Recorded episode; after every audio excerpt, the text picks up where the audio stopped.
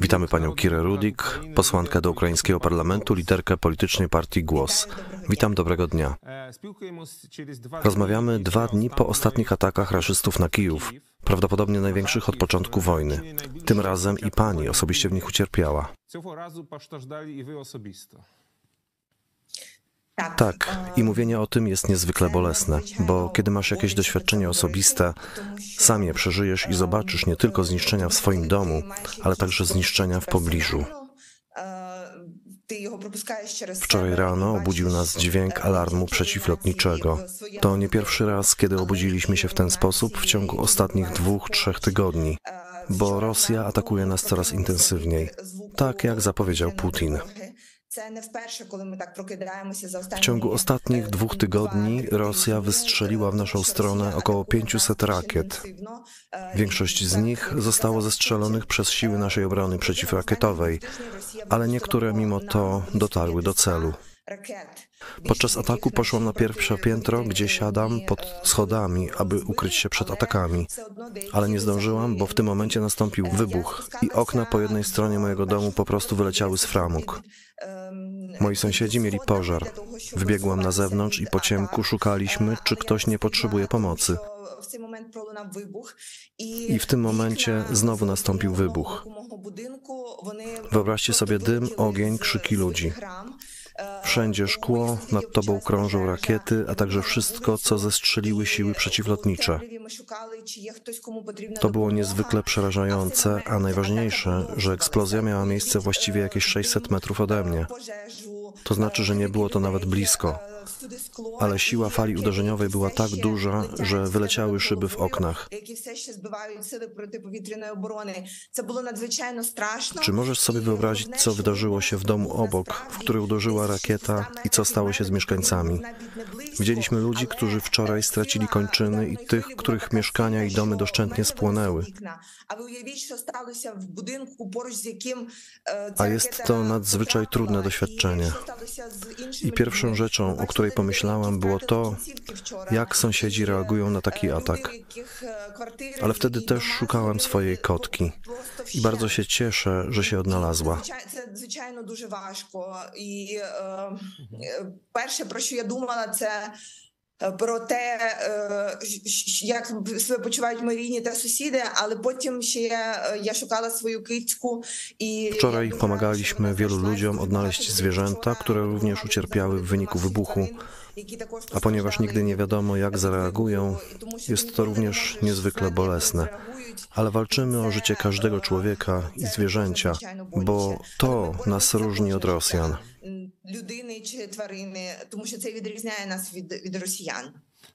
Proszę nam powiedzieć, jaki jest cel Putina, żeby atakować duże miasta jak Kijów i Charków, poświęcać setki milionów dolarów, nie uzyskując żadnego wojskowego wyniku.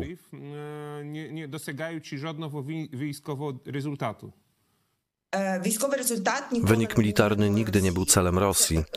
Celem Rosji jest obecnie utrzymanie władzy Putina. Putin przygotowuje się do wyborów.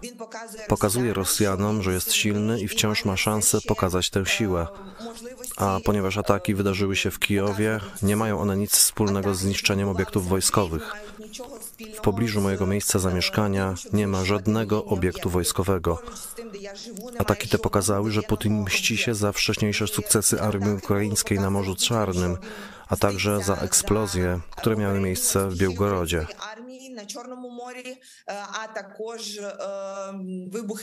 I to był jedyny cel, i to nas odróżnia od Rosjan. Czy może w ten sposób złamać ducha Ukraińców, czy tylko zwiększa ich determinację, opór i nienawiść do Rosji? Wiesz, mam tylko tyle do powiedzenia, że wszyscy są zmęczeni. Mówią, że bardzo trudno jest żyć pod bombami w czasie wojny przez dwa lata z rzędu i zaczynają narzekać. Ale wczoraj, kiedy ludzie sprzątali po wybuchu i wyciągali się nawzajem spod szkła, kiedy ratowali koty i psy albo stali i chronili dzieci, nie było żadnych kłótni. Wczoraj ludzie po prostu byli razem i pomagali sobie nawzajem. Wczoraj była tylko miłość, tylko chęć przetrwania i pomagania innym. Wiesz, jest film o tym, jak pracownicy fabryki przyjechali jako ochotnicy, żeby posprzątać zniszczenia w fabryce i pomóc tym, którzy stracili domy, a ludzie w ciemności rozbierają szyby z okien rozbitych w domu. Czy to znak, że nadal stoimy razem i jesteśmy gotowi do walki bez względu na problemy? Czy je це, Nigdy nie e, chciałam, by знаком wojna того, wywołana що przez ми jedną все osobę одно, не дивлячись doprowadziła do на tego які punktu. проблеми, стоїмо разом. Stwierdzenie, że musimy przystąpić do negocjacji, jest dla nas bardzo trudne. Жодної людини, жодної, ні разу фразу про те, що ми повинні е, піти на перемовини, або що це стає дуже ва- важким. Rozumiemy i Розуміємо, що ми, to naprawdę jest bardzo е, trudne, że nasze życie jest zagrożone, що ale наші nie mamy життя innego загрожені. wyjścia. Chcę wam coś pokazać. Znajduję się teraz w mieszkaniu w Kijowie, które zostało wczoraj zaatakowane. Widzicie okna, których ja i moi sąsiedzi posprzątaliśmy wszystko, co się zdało i uszczelniliśmy je folią. Popatrzcie. Mhm. Nie jest już tak zimno i w zasadzie można tu mieszkać.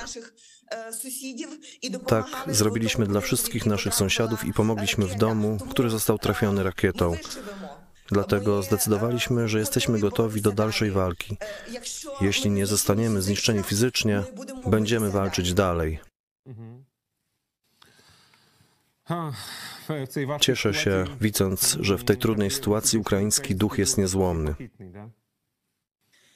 Nie mamy absolutnie innego wyjścia. W jeszcze większym stopniu wspieramy nasze siły zbrojne i aktywniej pracujemy na zwycięstwo. Myślę, że wczorajszy atak i moje osobiste doświadczenia są sposobem, aby szczerze powiedzieć moim kolegom w Unii Europejskiej, Stanach Zjednoczonych, Wielkiej Brytanii, że wojna się nie skończyła, że jest bliżej niż myślimy i że Ukraina nadal potrzebuje dużo pomocy. Walczymy i jesteśmy gotowi do walki, a nasza armia robi wszystko, co możliwe i niemożliwe. Ale nie możemy walczyć z pustymi rękami. Potrzebujemy pomocy finansowej, aby utrzymać nasz kraj i wojsko.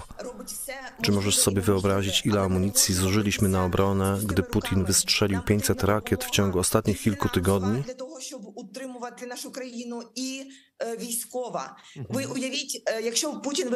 Dlatego pilnie potrzebujemy amunicji, aby myśliwce, które są już w drodze na Ukrainę, przybyły tutaj i rozpoczęły pracę, ponieważ zwiększy to nasz poziom bezpieczeństwa i może będziemy mogli pójść spać, wiedząc, że obudzimy się rano.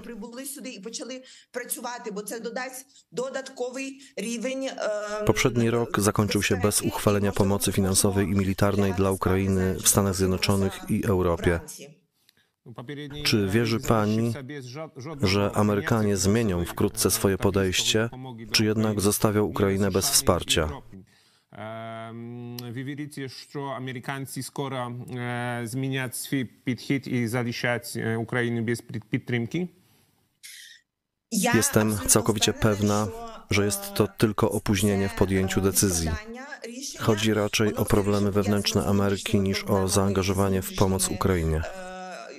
pytaniami, aniż z widnością dopomocy Ukrainie. A ja, jako polityk ukraiński, bardzo się martwię, że w 24 rok weszliśmy bez wsparcia zarówno ze strony Stanów Zjednoczonych, jak i Unii Europejskiej. Wierzę jednak, że w styczniu i na początku lutego uda nam się wprowadzić w życie obietnice polityczne zawarte w dwóch podpisanych dokumentach, które możemy już wykorzystać dla naszej obronności.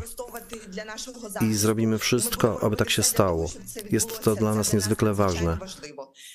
Teraz wszystkie fundusze, które Ukraina zbiera jako podatki od własnego społeczeństwa, idą na wsparcie armii, zakup broni i produkcję broni. A nasze świadczenia społeczne zależą bezpośrednio od naszych sojuszników, Stanów Zjednoczonych i Unii Europejskiej. I tu jest ważny aspekt, który chcę podkreślić. Mówimy teraz o takich sumach jak 61 miliardów dolarów ze Stanów Zjednoczonych, gdzie pomoc bezpośrednia to tylko 10 miliardów i 50 miliardów euro na 4 lata z Unii Europejskiej.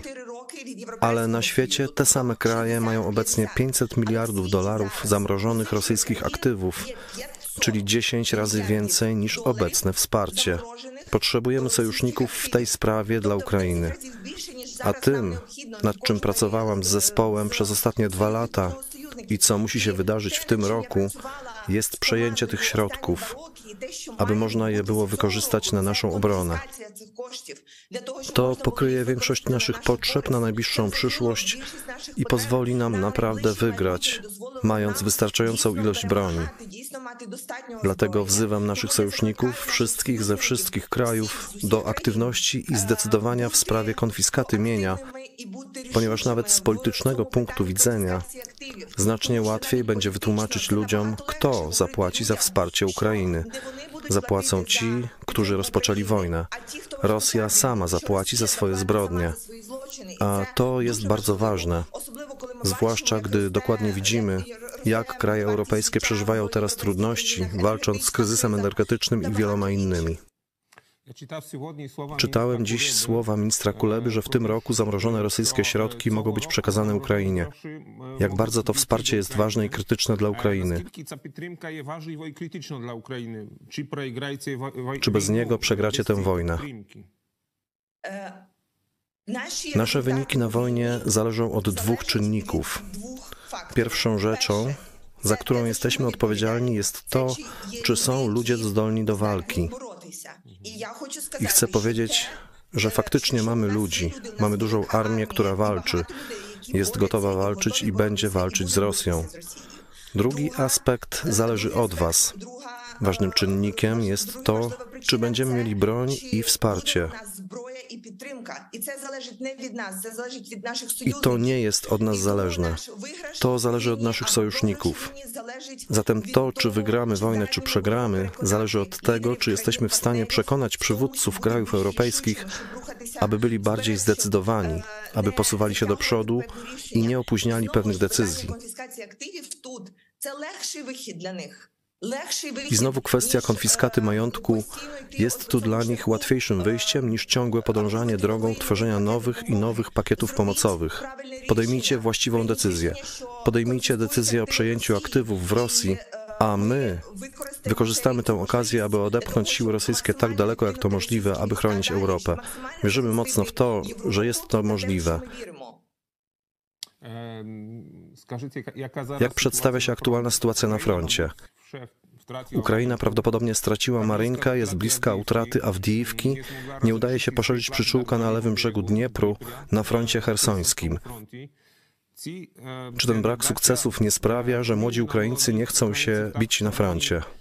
Більше не будуть бажати воювати на фронті. Питання, перш за все, питання, які стосуються armii. Przede wszystkim te pytania dotyczą armii. Mogę się wypowiadać tylko jako polityk, bo nie jestem komentatorem wojskowym i mogę powiedzieć jedno, że oczekiwania wobec naszej armii są bardzo wysokie, ale zwycięstwo lub sukces wojska nie zależy tylko od tego, jakie terytorium zajmą. Pytaniem jest, w jakim stopniu zniszczą siły wroga. Jeśli spojrzeć teraz na wyniki armii ukraińskiej przez te dwa lata, zniszczyła ona około 360 tysięcy rosyjskich żołnierzy, którzy nigdy nie przyjdą nikogo gwałcić, niepokoić i zabijać. Zniszczyliśmy ponad 5 tysięcy czołgów. Pokażcie mi teraz jakikolwiek kraj na świecie, który byłby w stanie zniszczyć tyle rosyjskich czołgów przy użyciu zasobów, jakie posiadał. Zniszczyliśmy też nieco więcej niż 300 samolotów wroga. Spójrzcie na nasze sukcesy na Morzu Czarnym. Jesteśmy krajem, który nie ma marynarki wojennej, ale niszczy rosyjskie okręty wojenne. Nie widać tego codziennie. A kiedy patrzymy na zdjęcia z wiadomości, nie możemy odczuć, jak wiele Rosja straciła sprzętu i ludzi ale wiemy o tym i jesteśmy dumni z tych osiągnięć, ponieważ prędzej czy później pozwolą nam one wyczerpać armię rosyjską i ruszyć do przodu, przepędzić naszego sąsiada, odbić i przywrócić nasze terytoria. Rano чи пізно дозволять нам виснажити армію Росії і рухатися вперед, і від, відновити наш суверенітет і відновити наші території. Czy ukraińskie społeczeństwo jest gotowe na ustępstwa wobec Rosji? Czy w grę wchodzi zawieszenie broni i zachowanie przez Rosję aktualnych zdobyczy terytorialnych? Wydaje się, że Zachód coraz bardziej będzie w tym kierunku naciskał Ukrainę. Mhm. Mam do Ciebie pytanie. Jaka organizacja lub który przywódca wolnego świata jest gotowy zagwarantować, że Putin wypełni swoją część porozumienia? Nikt za to nie poręczy. Dlaczego pytam? Ponieważ mieliśmy już umowy z Rosją.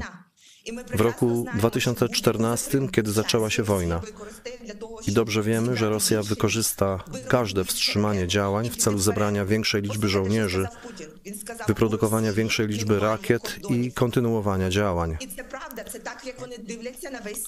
Posłuchaj, co powiedział Putin. Powiedział, że Rosja nie ma granic. Tak, to jest prawda. Oni tak patrzą na cały świat w celu odbudowy Imperium Rosyjskiego lub nawet dalej. I nie ma gwarancji, że nawet jeśli będą negocjacje, Rosja wywiąże się ze swojej części warunków umowy. A jeśli nie, to co będzie dalej? Ponieważ teraz widzimy i bardzo dobrze rozumiemy, że dopóki żyjemy, Rosja nie zatrzyma się i dlatego musimy walczyć. Wiesz, wczoraj bardziej niż kiedykolwiek obserwowałam dzieci.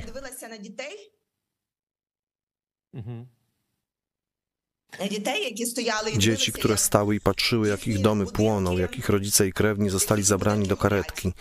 як I nie wiadomo, їхні czy ich bliscy батьки przeżyją. і родичі A ja від'їжджають на myślałam tylko o швидких jednym, допомогах, czyli і o tym, невідомо, co чи jesteśmy im чи все з winni. ними буде окей.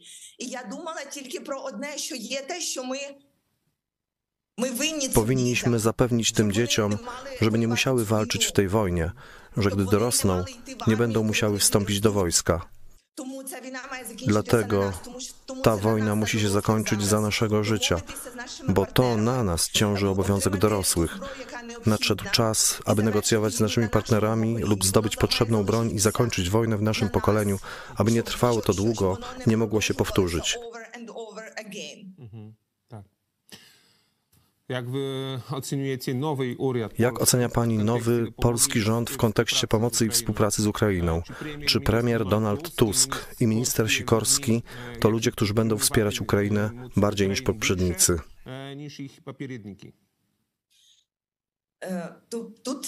W tym miejscu chcę przede wszystkim powiedzieć, że jesteśmy wdzięczni dotychczasowemu rządowi RP i prezydentowi za pomoc, którą otrzymaliśmy i otrzymujemy. Jestem wdzięczna wszystkim Polakom za to, co zrobiono dla wsparcia narodu ukraińskiego. To, co zrobiliście, to decyzja, którą będziemy pamiętać przez pokolenia. Jestem pewna, że rząd nie może wyjść i powiedzieć: wspierajcie Ukraińców. To decyzja podejmowana przez każdego człowieka. Na tym polega wsparcie Polaków.